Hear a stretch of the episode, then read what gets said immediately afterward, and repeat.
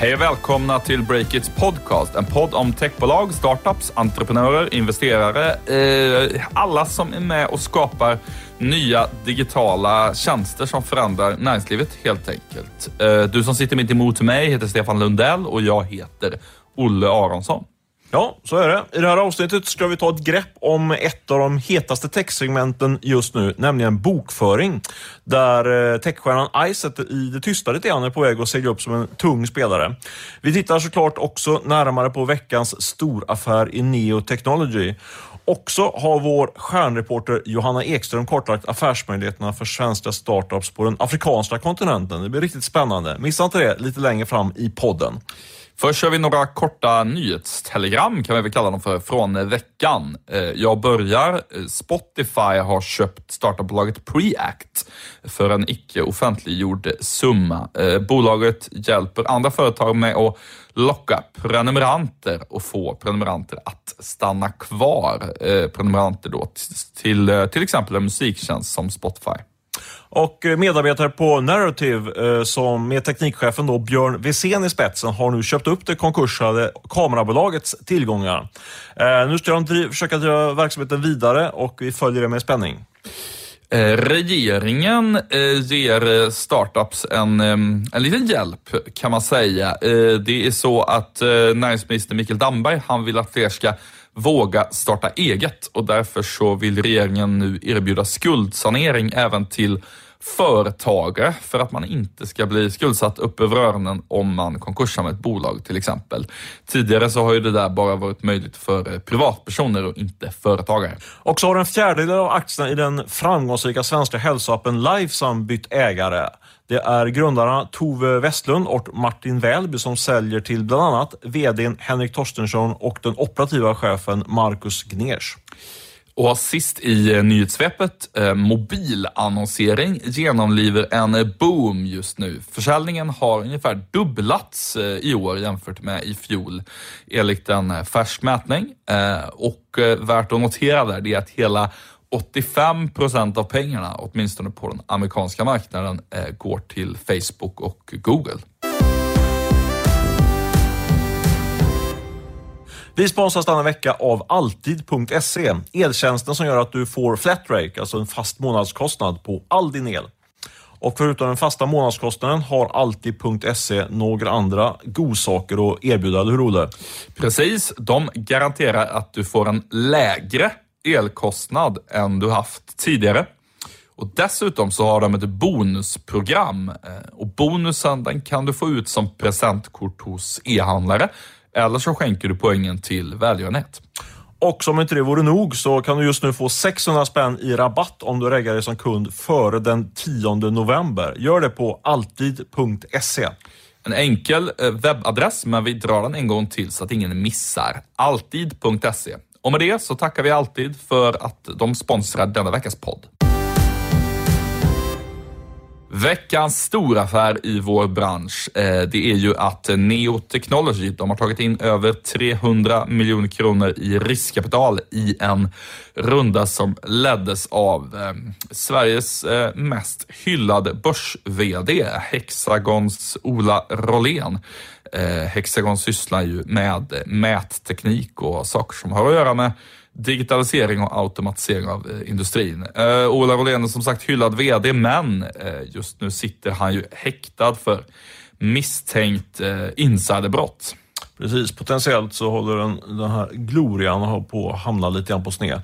Men det finns ju massor att säga annat om den här, den här affären. Men till att börja med Olle, du kan väl eh, försöka förklara, vad gör egentligen Neo Technologies? Ja, eh, jag tänkte vi ska köra lite svensk databashistoria här. Underbart. Eh, det är ju så att eh, webbsajter, de behöver databaser för att lagra information i. Till exempel om man har massa bilder eller så uppladdade på sin sajt så behöver de ligga lagrade någonstans. Och eh, Vi kan börja 1995 i det här historiska svepet. Eh, det är så att då lanserade tre svenskar en tjänst som heter MySQL eh, och det bolaget grundades av David Axmark, David Axmark, Allan Larsson och Mikael Videnius. Och MySQL blev en jättesuccé och det är faktiskt än idag, tror jag, den näst mest populära databashanteringstjänsten efter Oracle som ligger etta där. Eh, det här är då enligt en sajt som heter DB Engine som är vad ska man säga, standardmätningstjänst för det där, vilka som är mest populära. Uh, MySQL, som sagt, en, en jättesuccé, uh, används av hur många olika sajter som helst och uh, de, är ju, de ägs ju numera av Oracle. de köptes av Sun Microsystems som Oracle sen köptes upp. Eh, men det här är ju som sagt då en teknik som har sina rötter i mitten av 90-talet och MySQL har sina begränsningar kan man säga. Och det är det sammanhanget som Neo kommer in. Sen förkortar man så, ni som är grafdatabasexperter? Ja, det, den heter väl Neo4j, själva tjänsten. Men, jo, men det vi pratar om nu. Neo, bolaget Neo kommer in och in i handlingen i din historiska exposé, eller? Ja, precis. Eh, det är ju så att Neo, de har ju då en grafdatabas istället. Eh, det är liksom det som är deras innovation. Och mm, Det innebär lite förenklat att systemet är liksom mycket bättre på att förstå hur olika datapunkter är relaterade till varandra. Um, och Det gör ju att du kan känna igen olika användarbeteenden på ett mycket enklare sätt. Uh, till exempel så Um, vi kan använda ett citat här faktiskt från eh, Emil Eifram som har grundat Neo Technology. Han uh, sa så här när vi intervjuade honom tidigare i år att om du köper mjölk, öl och sandaler på en e-handelssajt, uh, om du gör det och sen köper jag samma saker, då kan systemet enkelt se att vi gillar samma grejer och om jag då sen köper en Sagan om ringen-bok, då ska eh, databassystemet då förstå att de borde rekommendera en Sagan om ringen-bok även till dig. Eh, så det är så att säga ett sätt att eh, eh, förstå, bli mer relevant och smart i databasen helt enkelt. Är det på det här sättet som eh, Amazon och numera, numera Adlibris och så kommer med smarta, eller med trevliga förslag när man är inne på sajten? Är det det som gör att de kommer? Jag vet faktiskt inte vad, liksom, till exempel Adlibris, exakt vad de har för databassystem. Nej, men, det är, men de använder som en grafdatabas så att säga. Eller? Jag vet ju inte om de har en grafdatabas, hur de, ehm, men jag, jag utgår ifrån, det borde ju vara så så att säga. Men eh, de kan ju använda sig av, eh, av, de kan ju göra det på något annat sätt också, men eh, en grafdatabas är ju det mest effektiva sättet att göra det här på, så att de, de borde göra det om man säger så. Just det. För det minns jag själv, kommer jag fortfarande ihåg när jag var inne på Amazon för ganska många år sedan och man blev så förvånad att man fick så, inte förvånad, men blev så glad att man fick så bra och relevanta eh, tips helt enkelt. Och man köpte på sig mer böcker tack vare det. Så det är ju en bra, ett bra användningsområde. Ja, eh, och det här är förstås applicerbart på alla möjliga typer av verksamheter på internet, inte bara e-handeln. Eh, och då kan man väl säga att det finns väldigt stor potential i det här. Så lite förenklat om man tittar, går tillbaka historiskt då, eh, på hur databaser såg ut tidigare och det här, den här nya, nya generationens databaser så är det lite grann som att säga att var, tidigare var det lite grann dumma databaser och nu har man mer smarta databaser. Ja, kan man säga så? Precis, ja, men det är ju ett bra sätt att förenkla det på tycker jag, så man inte behöver dra hela storyn som jag gjorde nyss eh, varje gång. Uh, och Neo har ju blivit en succé som sagt. Men då, Ehm, eh, man kan väl säga att de är inte ensamma på banan då och eh, det som är lite jobbigt för Neo Technology som trots allt fortfarande inte är ett jättestort företag utan eh, en, en svensk startup, även om de har vuxit till sig en del det är ju att deras stora konkurrenter på det här området, det är ju företag som Amazon, Google, Microsoft, Oracle.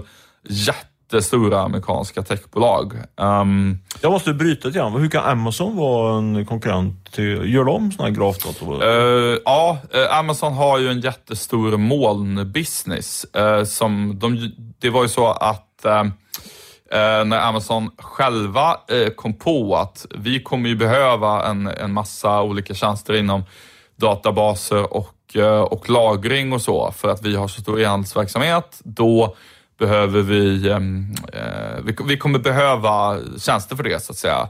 Eh, och då insåg eh, Jeff Bezos att okej, okay, då är det lika bra att vi bygger det där till oss själva, men vi kan också sälja det till andra.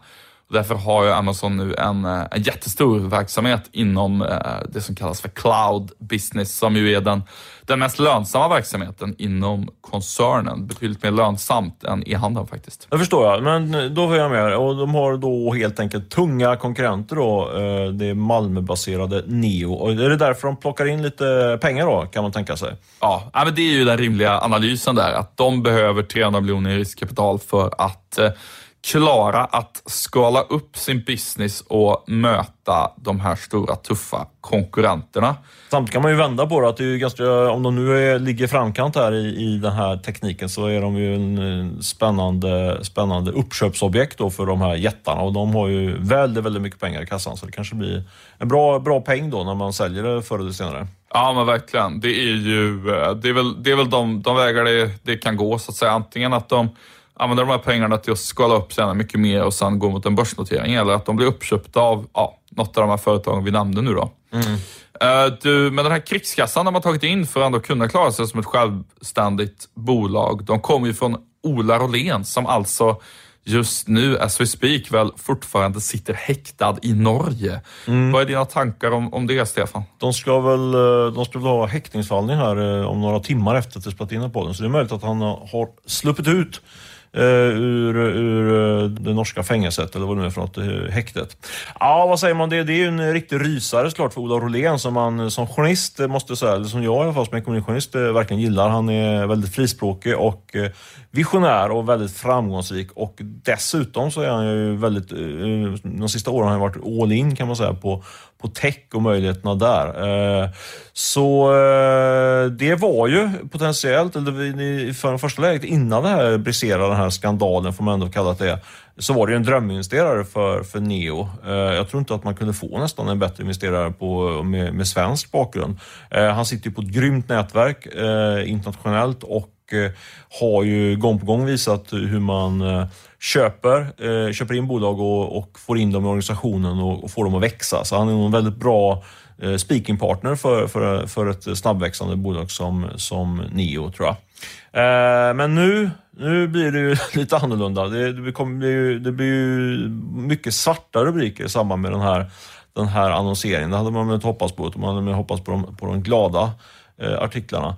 Eh, men jag vet inte, summa summarum, alltså just nu är det inte bra och eh, man, man kan väl säga att man går från eh, från en, eh, från en väldigt plus eh, och få in, förutom att man får in pengarna, plus i, i kompetens och nätverk och sådär, till nästan minus nu då, där man kan nog inte tänka sig att man får så mycket hjälp utav, utav Ola Rolén. Han har fullt upp med, med den här processen och sen ska han ju driva det här bolaget Hexagon som är ett av de största på Stockholmsbörsen. Så det, det, det tar ju, kommer ta all hans kraft. Och våra kollegor på D-digital eh, skrev ju att, hade uppgifter om att han skulle gå in i styrelsen på, på Neo, men det blir ju ingenting med det på grund av, av det här. Så jag skulle säga, om man skulle försöka konkludera det i en mening eller två, så skulle jag säga att det går från att det, fördelen, den stora fördelen man hade förutom pengarna, då, den är ju borta nu med Ola Åhléns eh, Ja. Uh, ja, nu tappar man I och med att han sitter äktare helt enkelt. Ja, exakt. Så, men... Hitta någon spännande formulering där. Men liksom, eh, så det, det, den eh, möjligheten är ju borta. Men det är väl inte helt omöjligt att, att de här brottsmisstänkarna avskrivs och då är ju Ola Rehn tillbaka back in business. Så kanske till och med att han hoppar av eh, Hexagon tidigare än beräknat och får då mer, mer tid och kanske även mer pengar att investera i eh, Neo. Så skulle jag väl kunna kontrollera det. Det var en väldigt lång och eh, rörig utläggning, men, eh, men det är väl ungefär så som jag ser det. Du, eh, nu ska vi strax prata om någonting helt annat, nämligen techboomen i Afrika och hur man som svensk entreprenör kan slå mynt av den. Då ska vi släppa in Breakers reporter Johanna Ekström i poddstudion. Men först kör vi ett budskap från våra sponsorer. Podden Digitalisterna är denna vecka en av våra sponsorer. Digitalisterna är en podd som Telia Företag dragit igång och som leds av entreprenören Kjell Eriksson och Telias Daniel Stark. Det stämmer. I Digitalisterna så lägger man mycket kraft på att konkret beskriva hur digitaliseringen påverkar företagsvärlden och hur den eh, omvandlingen av ekonomin skapar konkreta affärsmöjligheter. Och har du inte redan lyssnat på senaste avsnittet så tycker jag att du ska göra det. Tycker jag verkligen. I det avsnittet så tar man ett eh, lite större grepp om eye tracking eller ögonstyrningsteknik som det heter på svenska. Bland annat så har man då bjudit in börsraketen eh, Tobis affärsområdeschef Fredrik Ruben.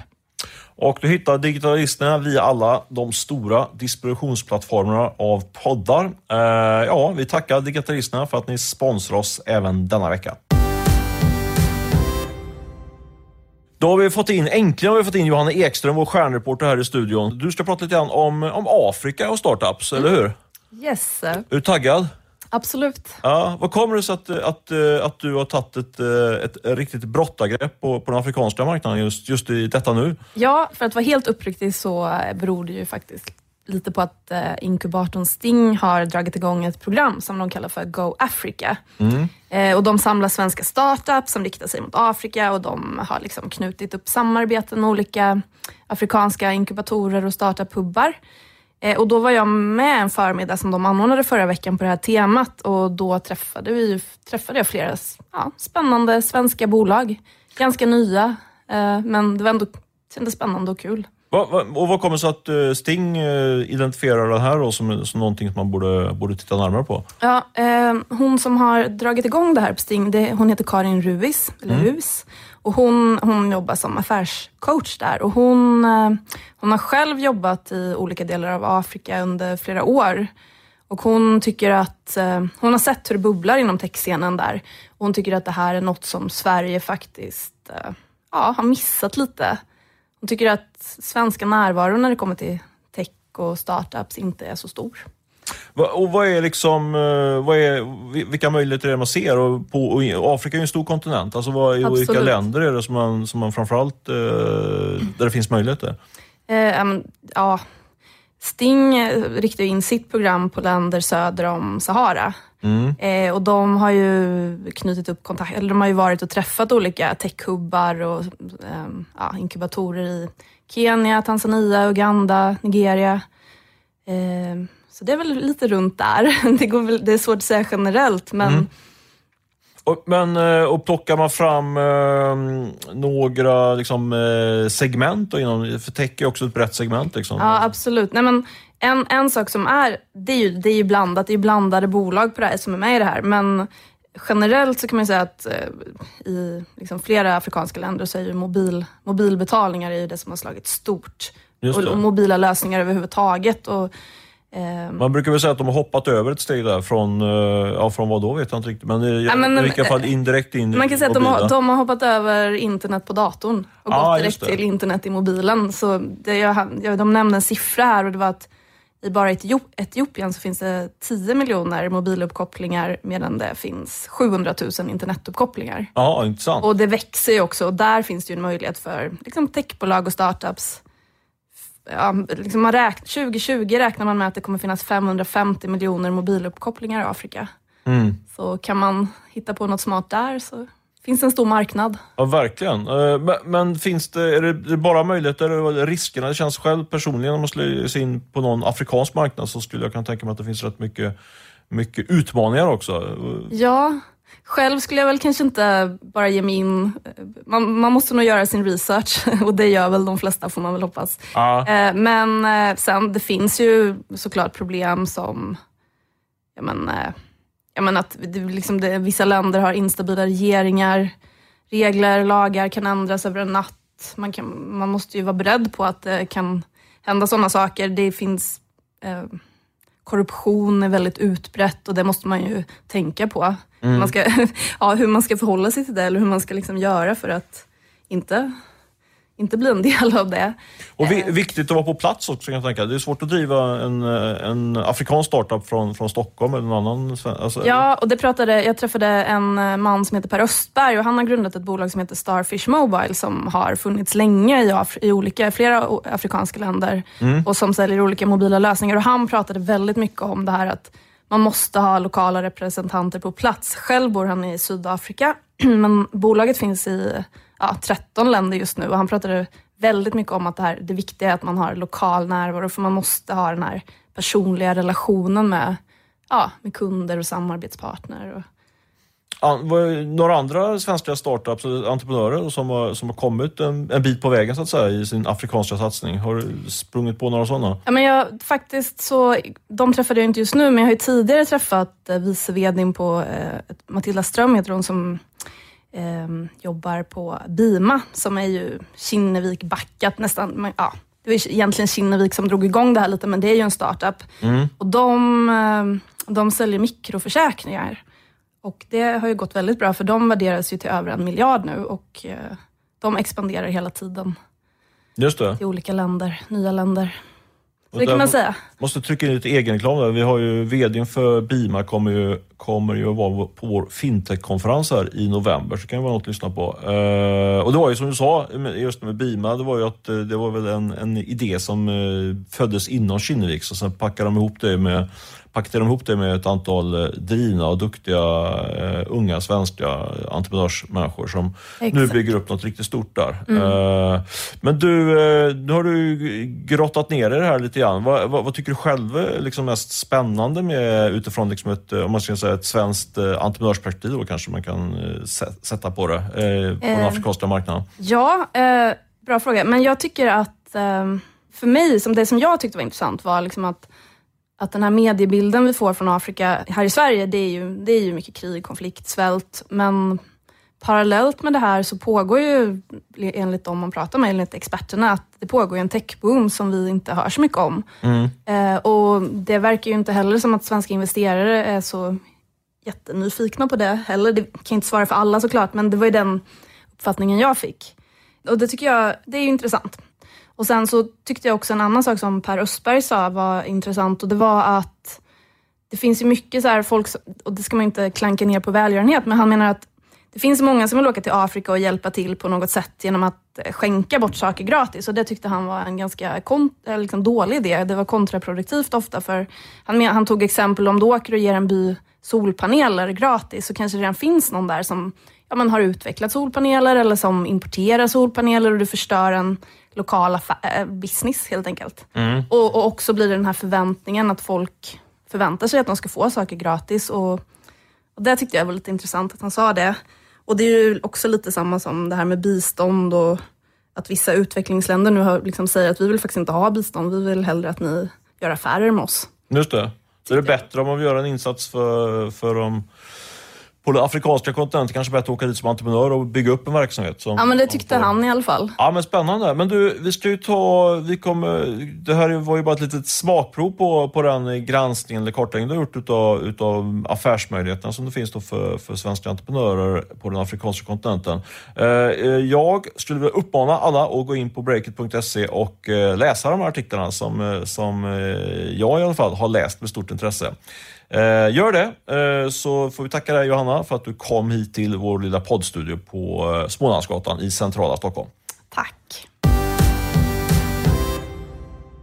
Nu tänkte jag att vi skulle prata lite om det som jag faktiskt tycker är tråkigast med att driva företag. Eh, administration och redovisning. Oh, vilken grej! Först ett segment om eh, om databaser tidigare i podden innan Afrikainslaget. Och nu är det dags för lite administration. Precis. Hoppas ni inte somnar där ute vid radioapparaterna som man sa förr i tiden. Precis, där ni sitter bänkade. Exakt, och bara lyssnar. Eh, men det är faktiskt så att, eh, ja, jag är ju inte ensam om det här, man tycker det är sjukt tråkigt just med, med den här typen av eh, administrativa uppgifter. Men det är ju ett nödvändigt ont och väldigt viktig sak såklart. Man måste ju dra iväg fakturer för att få lite in, intäkter och man måste betala löner till sina anställda och man måste sköta sin redovisning om man inte vill ha Skatteverket efter sig. Eh, så det måste göras eh, och faktum är att om man gör det på ett smart och effektivt sätt så får man ju väldigt bra koll på sin verksamhet och kan driva företaget eh, till en ökad lönsamhet i slutändan. Men just det här faktumet att jag och de flesta andra skulle jag säga, entreprenörer tycker att det är väldigt tråkigt det här pappersarbetet för det har varit mycket pappersrelaterat. Det bygger, eller bäddar också för gigantiska affärsmöjligheter för den eller de som kan gå in och, och lösa det här på ett mycket smartare sätt. Eh, för fortfarande skulle jag säga att eh, merparten av, eh, av de svenska entreprenörerna de sköter ju sin, sin administration på ett, eh, på ett 1900-talssätt eller kanske nästan 1800-talssätt. Det är mycket, mycket eh, papper som eh, klistras upp på andra papper och skickas genom Sverige via postgång och så får man tillbaks det. Man har dålig koll på på vad som sker däremellan. Eh, Bara det här, jag måste flika in, jag är fortfarande helt fascinerad över att vi har fått liksom en hel industri kring att pappersfakturer skickas till någon central i Norrland där de liksom skannas in och ofta fakturer som liksom är digitala från början ska mm. skrivas ut och sen skickas Ja, det är liksom så dumt så man vet inte vad man ska säga om det. Och sen har man ju alla de där representationskvittona då som man sätter upp på, som man klistrar upp på, på ett lite större papper och sen skickar och sen så är det ofta ofta är personer av lite äldre, eh, äldre årgång som står och, som står och eh, bankar in de här på, i datorerna. Det lite... Äldre årgång, det låter ju så ja. otroligt vackert, som att de är ett gott vin. Ja, men det låter ju bra. Det låter ju bra. Jag, var lät nästan, jag tänkte jag lät fördomsfull. Men, men alltså, det där är ju en struktur som verkar ha etsat sig fast liksom, i entreprenörs-Sverige. Och jag har bara i min absoluta närhet den sista, två veck sista veckan faktiskt pratat med personer som, som blivit entreprenörer, konsulter, liten konsultverksamhet har de startat upp på varsitt håll. Eh, och de har ju eh, efter moget övervägande hamnat i det här att de ska, de ska klistra kvitton på på eh, papper och skicka det till sina, sina redovisningskonsulter. Gammalmodigt kan jag tycka, men det visar också liksom hur, hur segmenterat den här strukturen är i, i, i det här segmentet. Men det finns ju de som sysslar med uh, i varierande grad digital redovisning. Du kan väl dra de större spelarna som finns idag? Mm. Så vi säger att det här är en jättestor marknad, omsätter miljarder, för det finns ju många, bara i Sverige, och det finns ju många, väldigt många, tack och lov, eh, företagare i Sverige eh, som, som behöver hjälp med de här sakerna helt enkelt. Eh, ja, vi har, måste dela upp den här marknaden. Så dels är det ju då de här mer traditionella affärssystem, affärssystemsutvecklarna som till exempel Visma och Hoga, eh, som absolut eh, försöker ta, som ta, tagit eh, rätt rejäla kliv in i digitaliseringen. Det är ju, är ju digitala lösningar de har. Eh, sen har vi då eh, på den andra sidan kan man säga bokföringsbyråerna som även de försöker eh, ge sig in i, i digitaliseringens tidevarv med sina lösningar. Eh, men sen dyker det upp, som jag kan, kan tycka kanske allra mest eh, spännande, helt nya spelare som Vint, eh, som, eh, som eh, har byggt en lösning, digital lösning eh, och vi har Doer som vi har pratat om också här i podden och även skrivit om. Det är ju entreprenören, vad heter han nu, har du huvudet? Sam Nurmi. Just det, som har två eh, riktigt framgångsrika eh, startups bakom sig och fått ihop ett par hundra miljoner kronor som man nu delvis pumpar in i det här Doer. Underbart att se för övrigt, bara lite så här affärsskvaller på stan, det är ju att han grundade tidigare Pingdom mm. och eh, sen så går man då förbi den lokalen där Pingdom tidigare satt i, i Stockholm och den har stått tom och sen gick jag förbi den igen några veckor senare och då stod det här öppnas snart Doer kontor. Så att, han har inte ens bytt kontor han har, i Stockholm, han har bara bytt bolag. Ja, jag pratade med, pratade med en eh, konkurrent till Doer som hade gått, runt, gått förbi där och tittat in och försökt eh, fiska information genom att titta in genom skyltfönstret. Eh, nej, men sen har vi oss nämna två ytterligare intressanta spelare i det här segmentet. Så är det Fortnox som faktiskt är noterat och eh, Red Flag som eh, entreprenören Mikael Pavlo har dragit igång här och har fått in ganska mycket riskkapital. Tror jag har fått in ungefär 35 miljoner. I, bland annat från, från vår, eh, en, vår största externa investerare Staffan Persson. Och för ytterligare transparens där så har ju Mikael Pavlo som driver Red Flag också investerat och gått in med en liten aktiepost i Breakit. Precis, det ska vi ha till protokollet. Eh, som sagt, det flockas ju eh, både gamla och nya spelare i det här segmentet, eh, måste man säga. Ja, verkligen. Det finns ju några så små, verkligen små startups också, typ Bokio och Mr Shoebox till exempel, som det kanske inte riktigt är lika stora projekt som typ Dorian, men eh, ja, äh, det, fin det finns en myriad av spelare. Sen tycker jag en, en, ett eh, spännande initiativ i det här segmentet som har gått lite grann under radarn är eh, att eh, den, den väldigt omskrivna i andra sammanhang techbolaget iSettle, de har gått in i det här segmentet också. De annonserade ett samarbete med Fortnox eh, nyligen som innebär att man om man använder sig av iSettle så kan man då, eh, och så när man eh, loggar ur, sig, loggar ur sig på dagen och sålt klart för dagen så automatiskt så konteras alla transaktioner och bokförs i Fortnox system. Låter som en smidig lösning får man säga. Eh, och kanske detta, jag vet inte exakt hur intäktsdelningen är uppbyggd mellan iSettle och Fortnox där, men Fortnox är ju en väldigt snabbväxande spelare. De, de har ju en tillväxt på på, jag såg senaste kvartalsrapporten, tror 30-40 procent eller något liknande per kvartal. Eh, har många, och har många kunder. Så kanske kan detta vara ett sätt för iSet att hitta en eh, ny intäkts, eh, ett nytt intäktsben som inte är att förakta. Ja, men det tror jag nog. Det som har varit liksom kritiken mot iSettle det är ju att deras modell liksom inte är vad ska man säga, tillräckligt lönsam per kund. typ. Men faktum är ju att ehm, de har ju faktiskt ganska många användare ändå. Det är det fintech startups ofta saknar. De har, de har liksom en bra produkt men inte jättemycket användare. Men det har ju faktiskt iSettle och... Vad användare har de ungefär? Har du någon känsla för det? Nej, jag har Tiotusentals eller? Nej, ja, jag vet faktiskt, jag har inte den siffran i huvudet. Det här var mer, eh, vad ska man säga, en kombination av att jag vet att de har funnits länge och tagit in mycket riskkapital till marknadsföring och måste ha skaffat mycket användare och att man ser deras läsare lite överallt. Eh, inte bara ja, i Stockholm, det... utan på alla möjliga ställen i, i Sverige och, och så. Så är det ju. Eh, men du, eh, jag kan tycka så här när man pratar om, om digitalisering av redovisning, att det är en väldigt het trend. Det är jättemånga som vill göra det nu. Men man kan fråga sig att om det nu är, vad ska man säga, om, om det nu är så, så enkelt och en bra affärsidé att göra det, varför har ingen gjort det hittills på allvar? Ja, men det är en relevant fråga och eh, det korta svaret är väl att det är så svårt och komplicerat. Eh, jag har pratat med flera av de entreprenörerna som är inne i det här segmentet och de konstaterar ju att det här kommer att ta lång tid innan man och väldigt mycket pengar måste läggas ner i nya, nya ja, i programmering helt enkelt för att få fram de här systemen.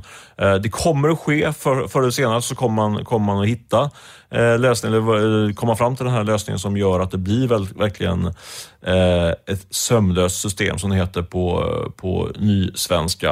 Eh, och, men en annan faktor också som jag tror är minst lika viktig, det är att man är, och det kan vi ju själva skriva under på, att man, eh, för vi börjar med, med det här gamla klassiska eh, klippa och klistra och sätta upp på, på andra papperssystemet. Eh, alltså man, stänger, man blir ganska så inlåst i, i de systemen som man, väl, eh, som man väl hoppat in i. Det finns ett motstånd. När man väl... Du hanterade ju migrationen där. Exakt. Och det, det var ju så rätt jobbigt. Vill jag ja, det, var verkligen, det är verkligen att bita det sura äpplet och, och tvinga sig in igen. Och, och det är en, en, period där, man, där det blir mer jobb helt enkelt, när man byter system.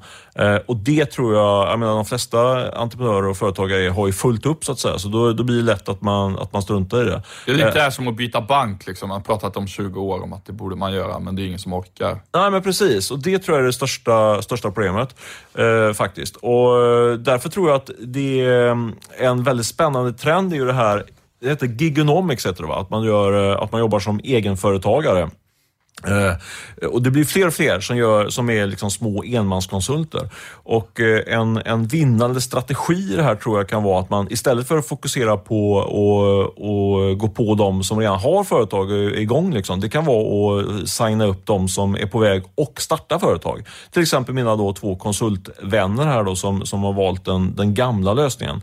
Eh, med smart marknadsföring och att man paketerar systemet så, så, så tror jag att man kommer att locka över dem i framtiden framtiden om man, eh, om man gör det här på rätt sätt helt enkelt. Så, men, men helt enkelt orsaken till att, det, till att eh, det här inte riktigt har lyft än, eh, men kommer att lyfta skulle jag säga, det är att det är ja, svår, svårt att bygga de här systemen, men det kommer man lösa och att folk är instängda, alla bank bankoligopolsystemet. En sak som vore väldigt cool, tycker jag, det är ju om ja, jag vet inte, cool men samtidigt lite skrämmande. Det vore ju om staten tog ansvar för att ge företag vad ska man säga, en gemensam digital bokföringsidentitet som man kunde samla i någon typ av digitalt API som alla liksom, bokföringsföretag eh, kunde koppla upp sig mot. Så kunde man liksom, vad ska man säga, alla företags ehm, bokföring går till det där API och sen så går det tillbaka till någon digital redovisningstjänst men så att säga då blir det ganska lätt att byta digital eh, redovisningstjänst om man skulle vilja göra det. Precis som det här med att eh, eh det finns ju eh, politiker som har flaggat för att man borde kunna ta med sig sitt kontonummer när man byter bank och då skulle det bli mycket enklare om det var liksom, fanns någon flyttbar funktion där. Samtidigt skulle det där förstås kunna bli någon enorm statlig eh, bromskloss bara för, för innovation. Men det finns någonting som är väldigt lockande med det där. Jag tänker på hur liksom mobilt bank-id har skapat någon sorts standard som gör att folk kan skaffa alla möjliga nya digitala tjänster som, eh, som konsument eh, framförallt. framför allt. Det, eh, det tror jag absolut du är inne på rätt spår. För jag menar, det här är ju, um, Skatteverket har ju väldigt gott rykte uh, för att man har, man, uh, har liksom omfamnat digitaliseringen. Uh, och det skapar ju en... Liksom, de blir som ett smörjmedel i hela, hela entreprenörssystemet, att det funkar bra där. Och det här skulle kunna få en skapa liksom en riktig sån eh, superboost i hela, hela entreprenörssystemet. Så det tror jag skulle vara en jättebra idé faktiskt. Du borde få pitcha den för Magdalena Andersson och liknande.